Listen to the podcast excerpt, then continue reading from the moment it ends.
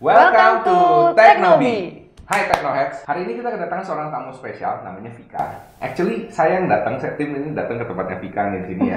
Kita akan belajar mengenai bagaimana sih caranya membuat startup teknologi yang uh, sukses. Nah, ini kenapa bisa begini? Karena Vika ini baru jalan-jalan balik dari Alibaba. Nah, penasaran kan? Kalau kamu pengen tahu, jangan lupa sebelumnya ya untuk like, subscribe dulu videonya, kemudian komen below ya. Jangan lupa juga untuk follow nih Vika di sini ya. Di sini IG-nya sama follow saya di sini IG-nya. Oke. Nah, kita akan langsung lanjut sesudah yang satu ini.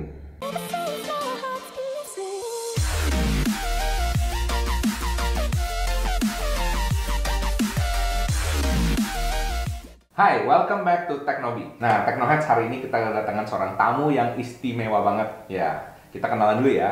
Halo. Halo, Pak Michael. Ah, namanya siapa nih? Nama saya Veronica Marcella. Veronica Marcella. Yes. Oke. Ah, Biasa dipanggil Vika. Vika. Oke. Profesinya apa Vika?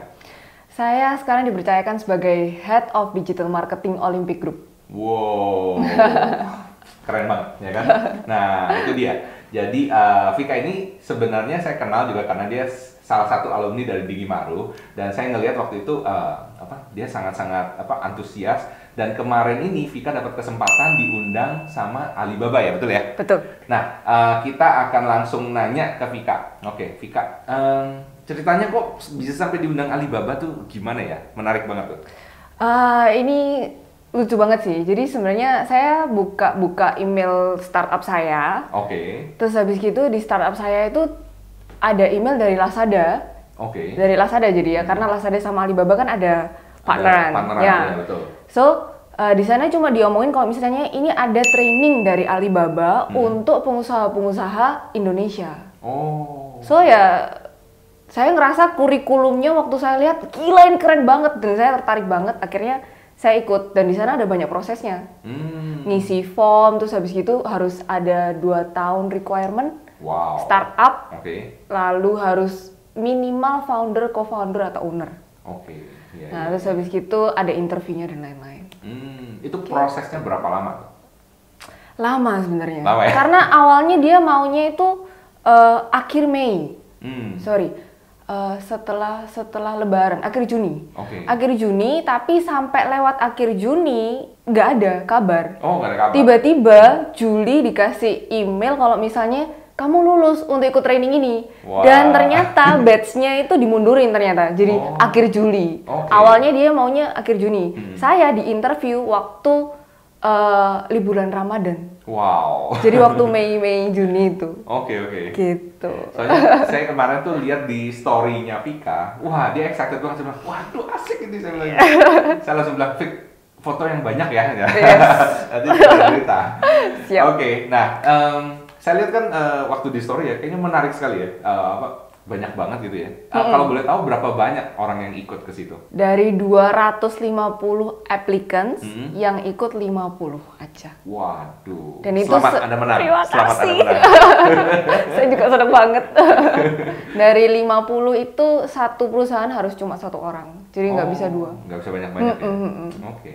Oke, eh, tadi kan kamu udah apa udah nyampe nih di Alibaba ya. Nah, Yes. sekarang saya penasaran nih, Hmm. apa sih yang kamu pelajarin di Alibaba situ, ya kan? Yang bikin kamu berkesan banget, kayaknya pulang tuh nggak bisa tidur, ya kan? Karena saya lihat di story-nya juga tiap hari, wah gimana gitu kan? Seru banget gitu tuh.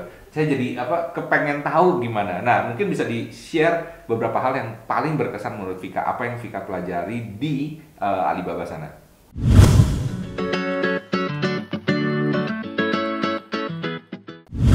Hmm, yang pertama uh, visi, misi dan value. Visi, misi, Yang- dan value. mm-mm. Hmm.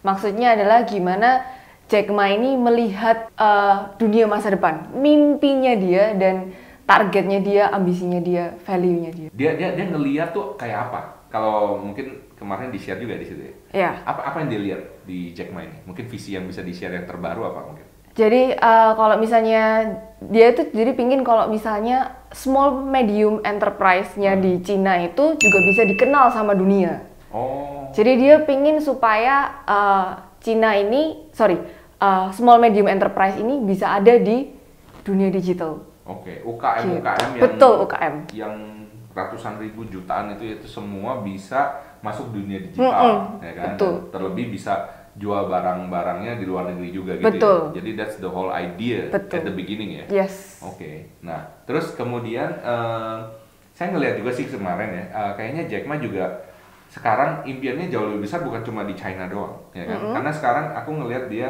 kayak di beberapa negara, bahkan sa- bukan sama di Southeast Asia aja, bahkan sampai ke Afrika, sampai ke Eropa, ke Amerika juga, dia bahkan pengen eh, membawa UKM-UKM di situ juga untuk eh, masuk juga gitu kan, untuk masuk ke dunia digital ya, dengan Alibaba sebagai platformnya. Ya itu menurut saya sangat-sangat menarik sih. Yes, kurang Nah, kurang. eh, kemudian yang kedua apa nih?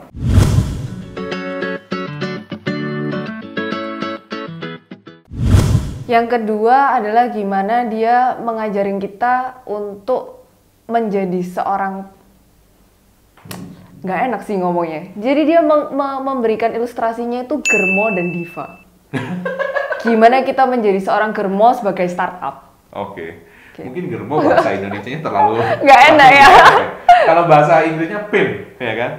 Yes, pimp. Ya kan? Yes. Kita mau pimp. Pimp. itu basically kalau di Indonesia bahasanya kayak maklar, broker. Betul, betul. Broker, ya.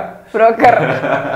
Emang sih kalau kalau pimp diterjemahin harafiah langsung jadi germo gitu. Iya. Tapi bukan germonya, bukan. Iya, Oke. betul. Jadi kita ngomong sebagai maklar, sebagai broker ya. Iya, Oke, maklar, eh, ya. apa tuh sebagai broker tuh maksudnya gimana? Jadi dia memberikan ilustrasi, aku kasih ilustrasinya aja. Iya, iya. Jadi ilustrasinya dia ngomongnya diva dan mamasan. Oh, diva yang mamasan. Mamasan. Hmm.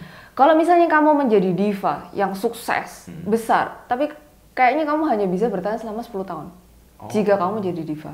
Iya. Tapi jika kamu menjadi mamasan, seorang broker, Iya. justru kamu punya diva-diva dan itu akan terus regeneration. Hmm. Jadi misalnya udah diva ini sudah expired, Iya. kamu masih punya diva-diva yang lain. Oh. oke, Jadi oke. ceritanya itu seperti itu. Hmm. Diva dan mamasan ini. Jadi kayak kamu punya semacam apa ya? Kayak kayak talent company ya. Jadi kamu punya artis kan ya? Artis Betul. yang ini Betul. artis kan ya kayak sekarang misalnya Elvis Presley udah nggak ada orangnya ya Hmm, kan. betul. Michael Jackson udah nggak ada ya kan. Mariah Carey udah nggak ada gitu kan ya. Maksudnya udah udah nggak ngetop sekarang. Hmm, Tapi betul. kalau misalnya kamu jadi agentnya Mariah Carey atau kamu jadi eh, apa recording company-nya itu kan selalu ada artis baru gitu ya. Mm-mm. Oh oke oke oke. So that's the idea behind it. Oke, menurut saya cukup interesting. Mm-mm. Oke, Eh, kemudian hal apa lagi yang menurut kamu berkesan? Eh, Eh, bentar-bentar. Yang tadi itu implementasinya ke kita Ke- gimana jadi? Nah ini super interesting karena begitu saya diceritain kayak gitu saya langsung mikir kan gila Olimpik ini diva. Benar nggak? Ah, Iya iya. iya, Olimpik iya. ini diva, Nah. gimana dong? Gitu. Terus Ah. habis itu ternyata kan di sana banyak perkumpulan Hipindo retailers juga offline retailers. Oh, Dia juga mengajukan pertanyaan ke profesornya ini. Hmm. Gimana kalau misalnya kita sudah menjadi diva yang besar dan raksasa gitu? Ah. Apakah kita bisa menjadi broker? Hmm. Bisa menjadi mamasan? Hmm. Jawabannya dia singkat jelas padat. Hmm. Nggak bisa. Gak bisa. Dua hal. Waduh. Yang pertama karena pride. Kamu Oke. sudah pernah menjadi diva. Mm-mm. Tiba-tiba kamu menjadi seorang makelar, kamu mempromosikan diva-diva yang lain. Pasti punya pride dong. Iya.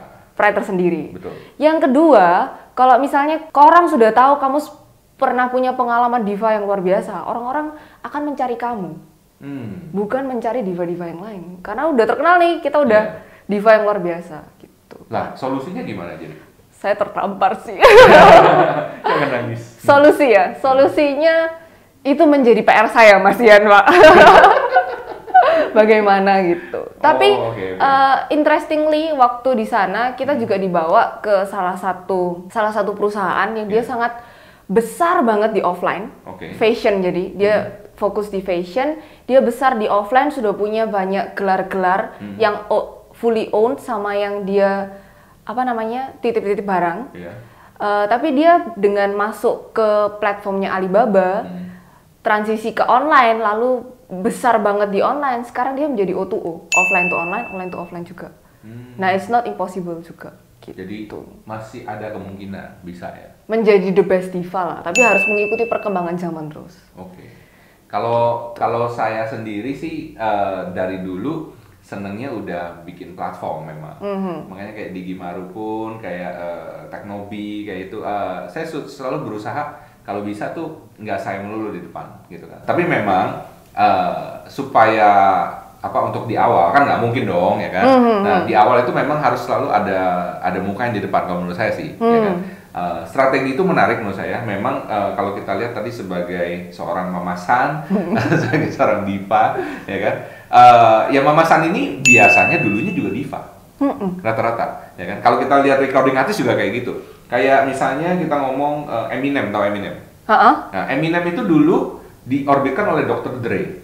Oke. Dr. Dre itu dulu juga udah ngetop. Dr. Dre ketemu Eminem, dia orbitkan Eminem. Eminem kemudian mengorbitkan 50 Cent. Ya kan 50 Cent terus mengorbitkan siapa lagi gitu. Hmm. Jadi biasa kalau di dunia artis tuh kayak gitu.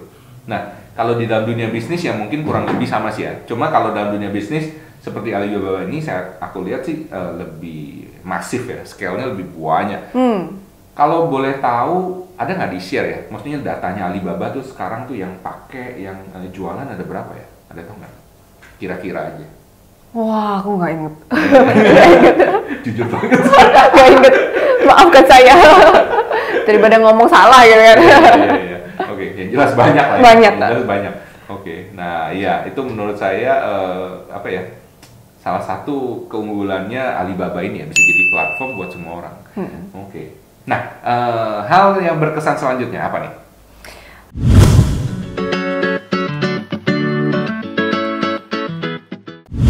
Eh, yang berkesan selanjutnya Hmm. tentang gimana dia bisa eh, benar-benar menggunakan big data, infrastrukturnya dia sih, Hmm. infrastruktur cloud big data itu. Ini banyak orang ngomong ya, mungkin big data, big data, ya opo sih big data itu apa gitu kan ya? Apa sih gunanya gitu? Ya, aku mau kasih penjelasan dikit juga. Iya. Jadi orang tuh selama ini ngerasa eh, ini termasuk saya salah perspektif. Data sama big data atau database itu sangat berbeda. Oh. Kalau misalnya kita selama ini cepet sering ngumpulin data-data orang, nama, alamat, nomor telepon, nama, alamat, nomor telepon, seakan-akan itu yang mahal ke depannya. Tapi ternyata itu hanyalah data. Database atau big data itu adalah gimana kita bisa mengambil keputusan langkah selanjutnya, strategi selanjutnya untuk mengembangkan suatu perusahaan menggunakan data tersebut. Jadi nggak cuma data, tapi data ini harus memberikan kita informasi sesuatu. Hmm. Contohnya, contohnya dalam bahasa orang awam gimana itu tuh? Contohnya paling simple deh, misalnya by demographic. Jadi Oke. kamu tahu kalau misalnya barangmu ini ternyata yang specifically variasi ini Iya. itu sangat-sangat kenceng di daerah ini ini ini. Oke. Nah itu udah nggak perlu orang lagi karena itu langsung sudah disupport data. Hmm. Nah itu semua sudah diakomodir dengan namanya yang big data itu. Oke, jadi eh, begitu ada produk jenis A di daerah ini paling eh, Kencang. paling kencang, yang beli orang-orang eh, umur segini sampai segini, cewek atau cowok kayak gitu ya? Betul, Ya, itu Betul. akan sangat berguna banget ya. betul. Hmm, oke. Ini ngomong-ngomong ini saya jadi ingat ada satu eh, startup bukan startup sih perusahaan udah gede banget. Netflix pernah dengar? Yes. Ya, Netflix ini menarik ya kan. Karena pertama kali dia eh, bikin apa? Dia bikin mungkin kita pada kurang paham ya. Maksudnya so what's the big deal ya kan? Netflix ya cuma streaming doang kan. Banyak Hmm. lah ya. YouTube juga streaming. Tapi sebenarnya data yang dikolek itu juga banyak. Jadi dia pernah bikin ada satu film, ya, Hmm. film khusus Netflix doang yang ini dibikin berdasarkan big data. Jadi dia tahu orang-orang ini seneng aktornya ini, direkturnya ini, penulisnya ini, dan temanya filmnya juga mengenai ini. Dan dia uh, bikin film itu dan benar film itu booming. Hmm. Ya. Mau tahu filmnya? Kissing booth? Bukan. Uh, Apa-apa. yang pertama ya, yang Ya. pertama dia bikin itu House of Cards. Oh. Kevin Spacey. Ya, dia itu. Cuma sekarang Kevin Spacey ada sedikit problem. Jadi ya nggak itu. Tapi itu merupakan salah satu uh, eksperimen dari Netflix bikin berdasarkan big data. Nah, sekarang yang baru-baru juga kayak gitu sih. Jadi dia udah tahu persis orang-orang tuh suka apa. Hmm. Gitu loh. Jadi uh, ini akan sangat bagus banget ya. Jadi uh, instead of kita bikin dan berharap orang suka, Betul. kita udah tahu kamu sukanya apa, saya bikinin. Betul. sekali. Nah, itu Betul. bedanya. Ya, jadi Mantap. yang big data ini konklusi dari Alibaba Hmm. eh, sekarang bukan lagi tentang produk massal nih. Hmm. Kita buat produk customer tinggal beli dari pilihan produk ini nih. Iya. Tapi lebih customer ingin apa kita buatkan. Wah, jauh lebih spesifik. Tuh. Ya kan? Jadi bukan kayak ke restoran semuanya rasakan masakan dari seluruh dunia ada di situ Iya. ya kan. Tapi udah tahu begitu dia datang orang ini suka makanan apa nih? Begitu datang ah di meja udah Yes. ada makanan itu. Betul. Dahsyat. Dahsyat banget. Dahsyat banget. Keren keren keren. Oke, selanjutnya lagi menurut uh, Vika berkesan apa nih?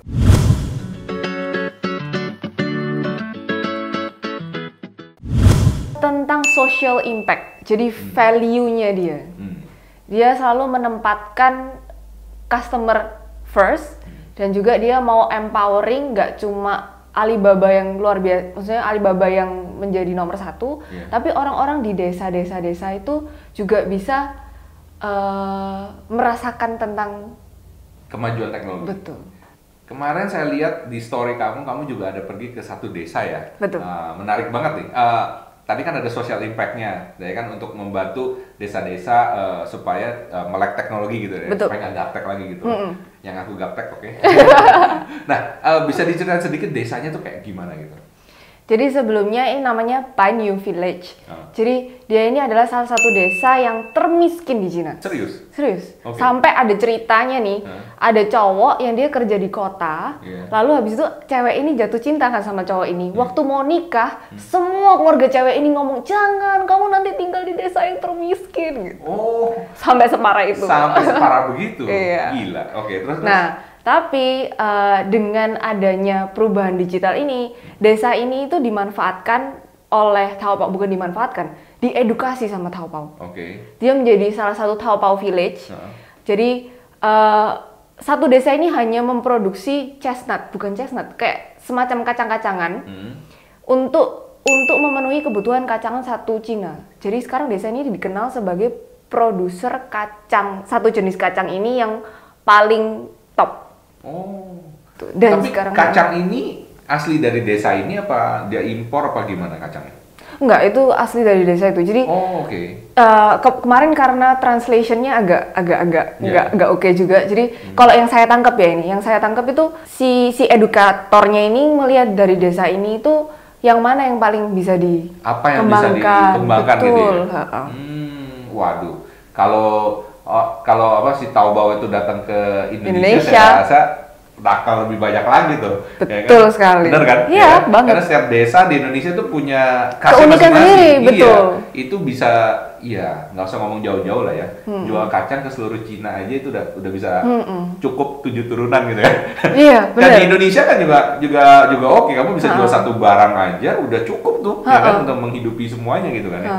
Nah, itu dia yang eh, mungkin banyak teman-teman teknologi juga mungkin mikir ya, eh, saya tuh mau jual, jual apa? Jual semuanya, semuanya dijual. Eh, kalau menurut kita, eh, menurut saya ya kan di Digi Maru juga ya, kita kita justru mau orang-orang itu fokus.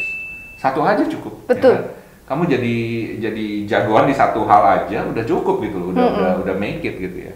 Nah, terus apalagi yang berkesan di desa itu? Jadi interesting fact-nya kenapa Alibaba akhirnya empowering toko ini untuk Hmm. Untuk menjadi sorry Taobao Village ini menjadi besar Hmm. itu karena dia ngerasa semakin ke sini kasusnya sama-sama Indonesia. Jadi Hmm. orang-orang pemuda-pemuda yang di desa itu semuanya pada mau ke kota. mau ke kota karena di Betul. desanya nggak ada lahan nggak ada pekerjaan. nggak ada pekerjaan, Ah. hidup kurang terjamin. Iya. Jadi yang di sana tuh tinggal orang-orang tua dan kerjaannya nggak akan diregenerasi lagi. iya Nah, dengan adanya Taobao Village ini, pemuda-pemuda justru di-empowering untuk ke sana. justru malah balik Betul. Dan ya kan? infrastrukturnya pun sebelumnya itu sangat minimal. Dia itu katanya di antara gunung-gunung. oke Terus habis gitu eh, apa? jalan ke sononya jelek gitu ya Selain jalan itu juga internetnya juga. Oh, Tapi iya. ya itu eh, akhirnya makanya si Alibaba ini empowering social itu tadi. Oh. Dia yang membuat infrastruktur itu, mengadakan lah bukan membuat. mengadakan mengadakan Mengadakan. Jadi nggak ada dibikin ada gitu ya Yes. Kalau boleh tahu ada berapa Taobao Village sekarang Hmm. kurang lebih Good question. Saya nggak inget sih sebenarnya. pasti tidur pasti tidur saat itu dia pasti tidur Aduh, aduh, aduh. Nggak Nggak nggak nanti kamu google sendiri ya ada berapa Iya. tapi menurut saya sangat menarik dan Iya. saya suka banget sih idenya ya saya Hmm. rasa kalau di Indonesia mungkin definitely pasti jauh lebih bagus dan lebih gede gitu Hmm. ya karena kayak nggak usah ngomong jauh-jauh lah ya maksudnya di sini aja lah misalnya kayak di Gresik atau di mana itu ada, udah ada produk sendiri gitu kan ya. Betul. Gresik produknya Gresik Semen? Semen Gresik? oh semen Gresik enggak makanan, makanan. kalau semen nggak usah ngomong ya kan Makanan, soto lam itu Lamongan, soto Lamongan. ini lagi eh kayak bandeng oh iya iya iya. Nah, iya. badannya tuh ngetop, ya kan? Bener ya? Ya, ada orang Gresik juga. Enggak, enggak bercanda. Oke, anyway, eh, kita ke poin selanjutnya. Apa lagi yang menurut Vika paling berkesan?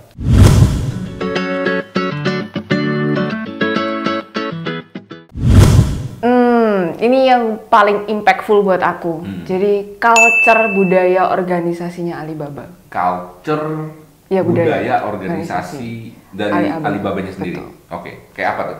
Jadi dia benar-benar intinya itu adalah dia mau supaya semua orang yang bekerja di Alibaba itu Hmm. mempunyai arahan, tujuan dan value yang sama.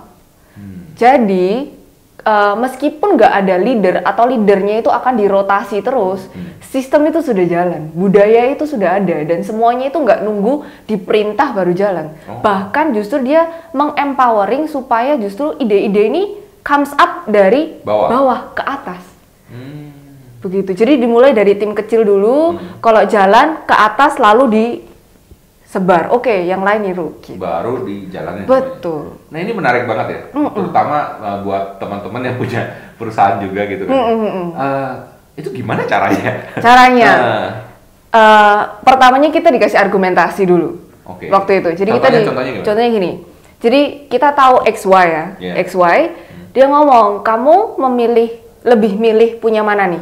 Staff yang performance tinggi dengan value yang rendah Hmm. atau staff yang value tinggi tapi performance-nya rendah?" Mereka kasih sebutannya performance tinggi tapi value rendah itu wild dog. Oke. Anjing liar. Hmm. Atau yang value tinggi dengan performance rendah itu namanya rabbit Oh. kelinci. Kalau Pak Michael sendiri mungkin lebih milih yang mana? Wild dog atau rabbit? Uh. Kemarin kamu cerita dulu, kamu cerita dulu. Ya gitu. Aku Jadi, belum dapat gambarannya. jadi Oke. intinya eh, kalau aku waktu itu ngomongnya, oh saya lebih memilih staff yang rabbit. Hmm. Jadi yang penting kan value-nya, visi misinya dia udah tahu. Hmm. Dia integrity-nya sudah ada. Hmm. Jadi meskipun dia slower than the others, Iya. tapi dia tuh kalau misalnya dipacu, Heeh. diajarin terus, dia mungkin bisa menjadi ke tengah. Hmm. Mereka sebutnya bull, Oh. banteng. Oke. Nah, tetapi dari kelompok-kelompok lain banyak yang memberi argumentasi berbeda. Hmm. Dia memilih wild dog karena kamu bisa memikirkan hal yang lebih besar. Hmm. Meskipun wild dog ini punya punya uh, value yang rendah, mungkin kejujurannya perlu dipertanyakan karena terlalu pintar dan lain-lain. Kalau misalnya dia sudah melenceng sedikit, bisa dicambuk Oke. untuk diarahkan balik. Hmm. Nah, Alibaba pada saat itu eh, tim Alibaba ya, Iya. ini memberikan jawabannya adalah menurut Jack Ma nggak dua-duanya. Hmm. Kenapa? Karena dua-duanya itu harm to the company. Di saat integritas dipertanyakan, sudah tidak ada toleransi. Itu untuk Dog. Iya, iya. Meskipun kamu highest performance kayak apa pun harus Tapi dipecat. orangnya nggak Jadi jujur, betul. gimana ya harus dipecat. Nah, dan itu mereka memberikan satu kasus kayak peristiwa eh, sempat ada engineer IT-nya yang best performance banget di Hmm. Alibaba itu dan dia melakukan satu keisengan, hanya keisengan. Iya. Bahkan bukan tujuannya yang intentionally untuk merugikan orang lain, Hmm. tapi keisengan akhirnya eh, Merugikan banyak orang. Yes. Hmm. Ya, hanya keisengan aja sih. Iya. Terus habis gitu langsung Dipecat. ya dipecat. Meskipun waktu itu te- sempat terjadi argumentasi dulu. Hmm. Ini orangnya hebat banget loh kerjanya oke banget gitu. No toleransi. Karena dia juga pasti mau melindungi gambar Alibaba ini kan perlu nomor satu trust untuk dunia digital. Betul betul. Betul. Nah, terus habis gitu, kalau yang Rabbit ini, dia kenapa harmful to the company? Karena tanpa kita sadari, kita iba. Orang ini loh kerja sangat keras, meskipun nggak Belum perform. belum perform tapi kerja sangat keras ya kan kita ngelihat orang ini oh bener-bener bener-bener niat lah untuk Ya. memajukan company ini tapi tanpa kita sadari tiba-tiba berkembang berkembang yang namanya Rabbit kan berkembangnya cepat Iya, iya. berkembang biak sampai memenuhi satu company budayanya penuh dengan Rabbit Iya. begitu Wah. kita mau pecat lumpuh sudah nanti company-nya Hmm. so it both of them itu harmful Iya iya iya. Ini ini kayaknya uh, permasalahan yang paling sering terjadi di perusahaan tradisional ya.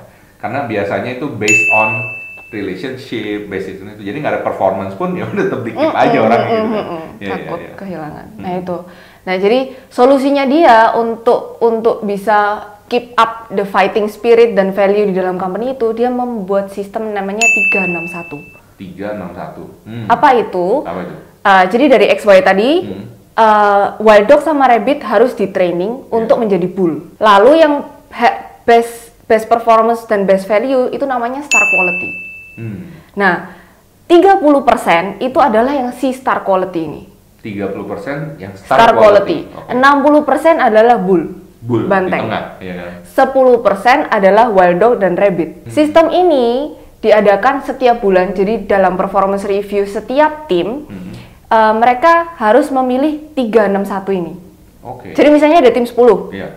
30% star quality dari tim itu siapa? Oke. 60% siapa? 10% siapa? Oke. 10% ini harus dikeluarin. Jadi keluarin. Langsung. Wow. Jadi dia punya apa? Yang kerja juga di di cut terus gitu. Wah, that's in, that's interesting. Sangat interesting menurut Iya, saya. menurut- Interesting. Kenapa? Karena itu membuat mereka akhirnya kan oh I have to give something to the company. Kalau misalnya kadang-kadang ya ini ini kayaknya bisa jadi satu video sendiri nih argumen. Iya, iya, benar. Kalau misalnya ya orangnya belum perform mungkin kan bisa perform kita selalu mikir kayak gitu kan. Mm-mm. Atau orangnya perform banget, aduh sayang banget gitu kan ya. Wah ini ini it's a tough decision ya kan, it's a tough decision. Ini memang uh, decision uh, apa decision makernya ini punya PR yang sangat-sangat besar gitu Betul. ya tanggung jawabnya ya. Ini memang nggak gampang. Betul. Oke. Karena Tapi itu tim li- eh, tim leader yang di sana pernah jadi ada ada karyawan waktu itu tim Alibaba itu ada yang sudah 19 tahun kerja di sana. 19 tahun, wow. Dia ngomong menjadi tim leader di Alibaba itu sangat-sangat tough ya karena itu. Karena sistem 361 ini. Hmm, tapi itu terbukti ya, maksudnya kita lihat sekarang perusahaannya sebagaimana bisa besarnya ya. Dan menurut saya mungkin gini juga ya, banyak juga uh, orang yang udah keluar dari Alibaba itu pun, ya kan, mereka akhirnya bikin satu company baru yang sama hebatnya juga, Mm-mm. ya kan? Saya juga Mungkin. sering ngeliat kayak gitu Mm. ya. Hmm. Oke, interesting banget. Oke, uh, jadi itu tadi hal-hal yang berkesan ya. Yes. Ada ada berapa? Mungkin bisa diulang lagi. Jadi tentang visi misi value-nya. Hmm. Alibaba, lalu um, platform strategi Mamasan and Diva, Ya, lalu tentang big data, big data, lalu tentang social impact, social impact, lalu budaya organisasi. budaya organisasi. Nah, eh, saya pernah dengar juga nih, kayaknya waktu itu kamu pernah share juga, kayaknya ada satu culture di Alibaba yang eh, enggak diimpose, tapi eh, for some reason orang-orang itu adopt di situ. Jack Ma juga sering ngomong ya, kayaknya eh, yang kayaknya seminggu kerja berapa kali dari jam berapa jam berapa, mungkin bisa diceritain dikit Vika. Hmm, oke. Eh, jadi waktu saya di sana, kita masuk dari jam 9, sebenarnya sudah selesai jam 6. Oke, Tapi ada yang namanya sesi optional, itu sampai jam 9 malam.